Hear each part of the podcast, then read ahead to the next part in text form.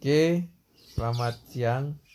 Podcast ini direkam di siang hari. Di masa karantina pandemi corona ini pukul 15.21 tanggal 4 A- tanggal 3 April 2020. Kita memasuki minggu ketiga atau minggu kedua masa karantina terkait dengan pandemi ini agak kurang mengenakkan untuk selalu berada di rumah, ya kan, Kanda? Betul sekali. Eh, sudah memasuki fase-fase bosan gitu kan. Sangat membosankan. Eh, keluar cuma untuk beli makan, terus ke toilet, masuk kamar lagi, YouTube, buka medsos, ya gitu-gitu aja kegiatannya kan. Benar kata Patrick, kita nih harus beristirahat untuk melakukan hal-hal kayak gini. Maksudnya berhenti untuk tidur, makan, tidur lagi, makan lagi. Kita harus beristirahat kata Patrick gitu. Nah, selama karantina ini ada kegiatan-kegiatan yang sering kita lakukan ya, Bang. Betul betul. seperti memasak. Beberapa hari ini kita sering masak ya. Ya karena menurut saya, menurut kami lah, eh, ternyata memasak itu cukup menyenangkan gitu. Selain bisa menghemat uang karena tidak perlu membeli sambal atau makanan di luar, memasak ini juga ternyata cukup mengasihkan. Kita bisa menikmati eh, hasil dari usaha kita sendiri, ya walaupun diracik dengan seadanya tetapi ya tujuannya untuk mengenyangkan perut. Memasak ini cukup efektif kalau menurut saya ya. kenapa Beber- efektifnya? Dalam bentuk apa? Beberapa minggu yang lalu sebelum kita memutuskan untuk memasak, itu tuh saya ngerasa saya agak susah mengatur ritme bangun tidur saya. Kalau dengan adanya memasak, kita jadi aktif lagi di pagi hari, kemudian masak sampai siang kan begitu. iya. Kita jadi pergi ke pasar kemarin kan? Nah, ke pagi ke pasar, ngerasain pengalaman gimana rasanya belanja di pasar tradisional berbincang dengan ibu-ibu dengan pedagang. Eh, ternyata cukup mengasihkan juga gitu Nah, dan biasanya pergi ke pasar ini sangat tidak menarik bagi laki-laki. Tapi sekarang karena kondisi pasar cukup sepi, jadi kami yang jarang-jarang ke pasar nih cukup leluasa dalam bergerak. Eh, tentunya tidak cukup dengan memasak saja kegiatan yang dilakukan eh, pada saat karantina ini. Kita juga membutuhkan kegiatan lain tentunya. Nah, kegiatan lain tuh salah satunya selain memasak itu adalah mengurus peliharaan. Ya benar, mengurus mengurus peliharaan ini cukup efektif untuk mengurangi stres di masa karantina. Karena kita dapat bermain, melihat tingkah laku binatang peliharaan tersebut serta eh, sesekali kita juga bisa mengajak mereka mengobrol gitu. Apakah dia jawab, Bang?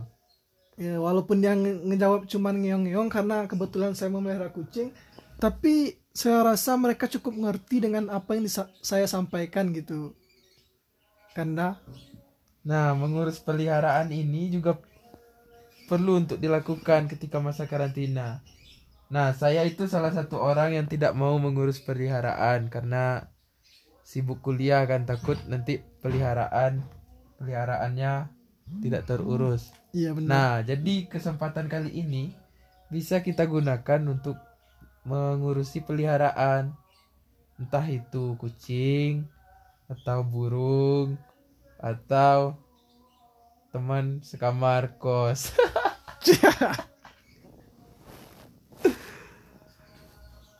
nah, selanjutnya kegiatan yang bisa kita lakukan selama masa karantina ini Khususnya adalah- untuk yang kurang suka terhadap binatang peliharaan, ada tips yang ketiga yang bisa kita lakukan. Nah, ya.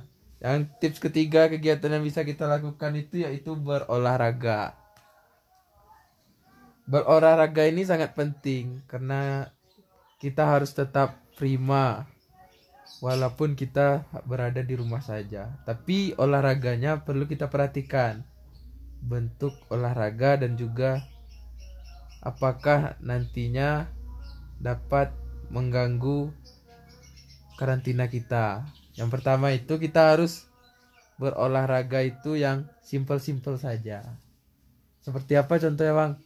Eh, seperti yang biasa saya lakukan, mungkin sekitar jam 10 sebelum saya melakukan berjemur itu eh, saya melakukan push up setidaknya sebanyak 35 sampai 50 kali dengan tujuan agar kata berdasarkan apa yang saya baca berolahraga itu dapat meningkatkan imunitas seseorang katanya. Nah, imunitas seseorang ini adalah cara terbaik untuk eh, Menangkal menangkal pandemi. Eh, virus corona supaya tidak masuk ke dalam tubuh kita. Nah, kalau olahraga yang biasa saya lakukan itu plank namanya, Bang. Plank ya. Eh, Ya. saya masih belum ngerti apa itu plank. Ini gimana nih cerita? Oh, seperti push up tapi ditahan Nah, gitu ya. ditahan, Oh, iya, ditahan benar-benar. menggunakan tangan selama beberapa detik sampai eh nanti kita kalau saya biasanya itu sekitar 45 detik menahan seperti itu. Dan efeknya adalah eh tulang punggung, tulang kekuatan tangan kita itu semakin eh, bisa kokoh dan kuat begitu. Iya, tapi yang untuk yang kurang menyukai olahraga yang terlalu memakan tenaga, mungkin juga bisa melakukan eh, seperti yoga gitu. Ya. Nah, agar mendapatkan relaksasi dalam pikiran terhadap stres yang mereka alami ketika masa pandemi ini. Nah, itu kan tadi olahraga itu olah tubuh kan.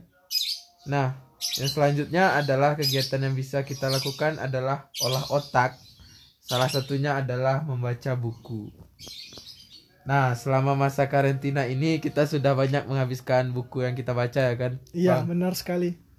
Eh, buku-buku apa pun buku itu eh, baik untuk dibaca. Apalagi Al-Qur'an kan, Bang? Benar. Nah, buku-buku yang bisa kita baca itu ada banyak sekali tersedia di di internet yang ataupun yang bisa kita beli buku orinya di marketplace marketplace gitu kan bang. Iya. Tapi jangan sampai kita bertindak bodoh untuk membagikan PDF PDF ilegal itu. Nah, benar-benar benar. Nah, Ini menjadi fenomena yang sangat menarik untuk kita bahas mengenai eh, orang-orang yang menyebarkan buku PDF. Eh, gimana tanggapan saudara mengenai orang yang menyebarkan PDF ilegal tersebut? Nah, itu kan banyak penerbit maupun penulis buku komplain di ak- akun media sosial mereka karena mereka merasa itu melanggar eh, melanggar hak cipta ya, Iya, melanggar hak cipta. Karena mereka menulis atau menerbitkan buku itu tentu ada eh, harga terhadap buku mereka. Nah, jika kita sebarkan PDF PDF itu secara gratis, nantinya tentu royalti dari penulis maupun penerbit itu kan tidak dapat. Nah, dari segi undang-undang itu juga melanggar undang-undang hak cipta kalau saya tidak salah. Iya benar. Eh, tapi saya juga mendapatkan perdebatan dengan orang yang menyebarkan buku tersebut. Katanya tujuannya itu karena kami kurang memiliki biaya atau tidak memiliki biaya untuk membeli buku. Kemudian eh, kami juga ingin mengasah otak dan men- mencerdaskan otak kami dan menambah menambah ilmu pengetahuan gitu katanya. Nah, kalau menurut saya sendiri itu adalah sesuatu cara yang benar tapi dilakukan dengan hal yang hal yang benar tapi dilakukan dengan cara yang salah. Yang sebenarnya tujuannya bagus untuk mengasah otak katanya dan menambah ilmu pengetahuan, tapi caranya yang salah. Eh, sebenarnya kita bisa meminjam buku di perpustakaan, meminjam buku teman, eh, dan lain-lain gitu. Banyak cara yang bisa kita lakukan selain dengan menyebarkan PDF tersebut. Nah, ya begitu. Karena eh, etika dari orang yang berpengetahuan itu kan harus menjaga kepemilikan dari orang lain. Iya. Orang lain apa yang diciptakan oleh orang lain itu punya harga dan seharusnya jika kita ingin menikmati eh, buku yang ditulis itu kita harus bisa setidaknya memberi memberi harga terhadap semua cip- setiap karya-karya Ya, orang gitu. mengapresiasi lah lebih Mengapresiasi. tepatnya gitu kan. Nah, kemudian jika tujuannya untuk menambah ilmu pengetahuan, ketika kita menggunakan buku PDF ilegal ini, apakah ilmu pengetahuan yang kita dapatkan itu berkah gitu kalau dikaji dalam segi agama gitu. Eh, tentunya hal ini sama dengan eh, mengambil hak milik orang hak milik orang lain gitu. Eh, ada baiknya jika hal ini tidak kita lakukan. Mungkin Nah. seperti itu tanggapan dari kami mengenai eh, buku PDF yang banyak beredar di media sosial saat sekarang. Hmm, Berhati-hati bagi yang sering mengedarkan buku-buku PDF ini. Mungkin ada buku-buku PDF yang original bisa disebar, tetapi ada pula yang eh, itu adalah tindakan ilegal. Dan para penulisnya juga penerbitnya sudah banyak bereaksi. Jadi hati-hati kita harus apresiasi setiap karya orang lain. Benar. Intinya lebih bijaksana lagi ya, guys. Nah, yang kemudian kegiatan yang bisa dilakukan di masa karantina yang selanjutnya adalah membersihkan seisi rumah. Kita tahu sama-sama dengan kegiatan kita yang mungkin bekerja atau kegiatan kita yang sebagai mahasiswa, sebagai pelajar dan lain sebagainya, tentu tidak sempat bagi kita ketika di waktu-waktu Sibuk sibuk untuk membersihkan rumah secara secara keseluruhan. keseluruhan gitu. Nah, jadi karena ini masa karantina dan kita diharuskan untuk selalu di rumah, artinya kita memiliki waktu yang cukup untuk membersihkan seisi rumah agar nantinya tidak ada jentik-jentik nyamuk di sudut-sudut rumah, tidak ada laba-laba Spiderman di di langit-langit rumah, agar tidak ada tikus-tikus yang menggerogoti lemari, kamar. Nah, takutnya karena rumah tidak bersih, lalu nyamuk malaria ada di mana-mana di sekitar rumah. Kita mungkin bisa selamat dari virus corona, tapi tidak bisa selamat dari malaria gitu benar, kan. benar, benar. Tapi kan virus corona itu tujuannya juga untuk agar manusia ini lebih memperhatikan bagaimana cara mereka menjaga kebersihan gitu. Ya. Salah satunya dengan membersihkan tangan, eh, membersihkan pakaian ketika kita keluar dan membersihkan rumah tentunya. Nah, kegiatan yang bisa kita lakukan di masa karantina selanjutnya adalah tidur. Tidur itu adalah kegiatan, kebutuhan yang sangat dibutuhkan oleh manusia.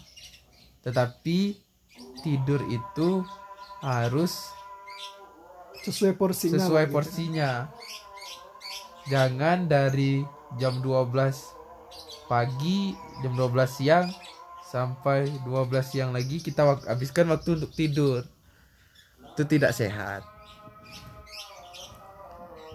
Tidur ini juga memiliki banyak manfaat ya. Jika kita tidur untuk waktu yang cukup. seperti menggapai mimpi jika kita sudah mencapai tidur REM lah bang benar mimpi ya tidur REM rapid fase REM itu merupakan tempat terjadinya mimpi ketika kita sedang tertidur. Nah kita bisa menggapai mimpi kita walaupun sedang di rumah walaupun sedang karantina.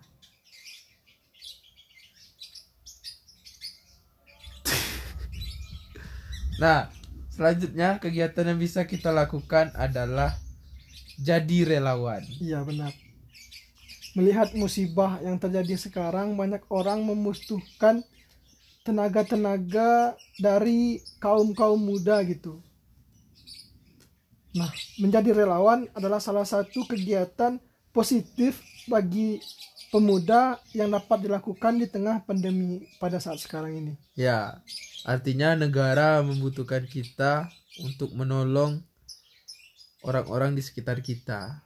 Tapi pastinya kita juga harus menjaga kesehatan kita sendiri.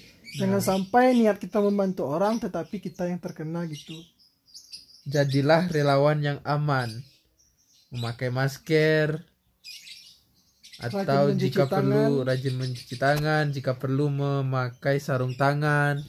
Nah, dan membawa hand sanitizer lah pastinya.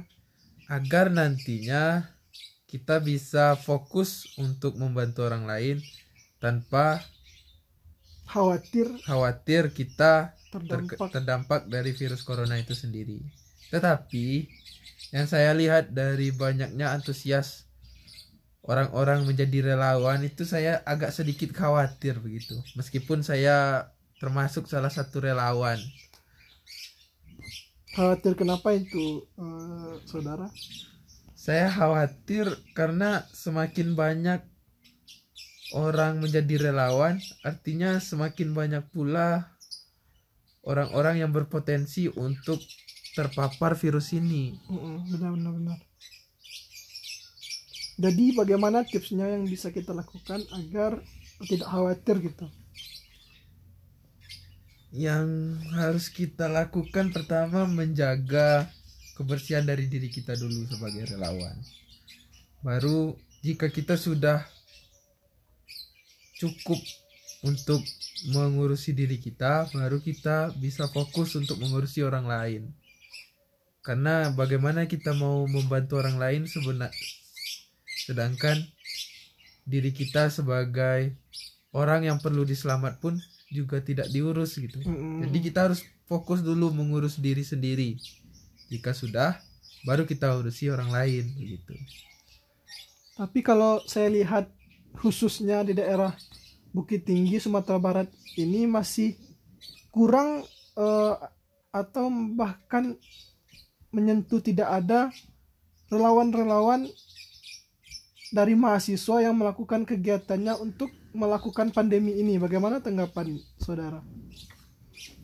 Ya, sebagian besar dari mahasiswa, teman-teman saya sesama mahasiswa itu di kampus atau di kampus yang lain itu udah banyak yang pulang kampung kelihatannya. Oh iya benar-benar benar.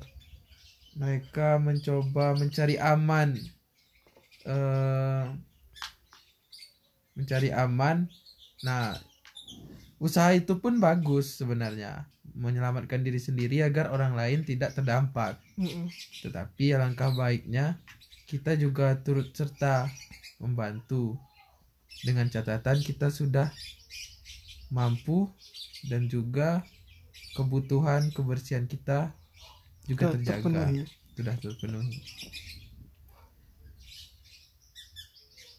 Nah, mungkin itu jika dirangkum kegiatan yang bisa dilakukan kalau dari kami yang telah kami lakukan itu yang pertama itu memasak, mengurusi peliharaan, olahraga, baca buku, membersihkan seisi rumah, tidur dan kemudian menjadi relawan. Dengan catatan jika kita sudah eh, Ibaratnya menjadi relawan tuh seperti naik haji di rukun Islam nah benar-benar benar. bagi yang mampu. bagi yang mampu benar-benar sekali nah mungkin kita cukupkan sampai di sini dulu Ya. eh, podcast kita untuk hari ini atau episode yang pertama ini. Mungkin eh, akan kita sambung di next episode mengenai kegiatan-kegiatan lain yang bisa kita lakukan ketika kita mengalami kebosanan dalam aktivitas kita sehari-hari. Ya. Terima kasih sekian dari kami. Sampai jumpa dan Salam. stay stay safe everyone. Terima kasih.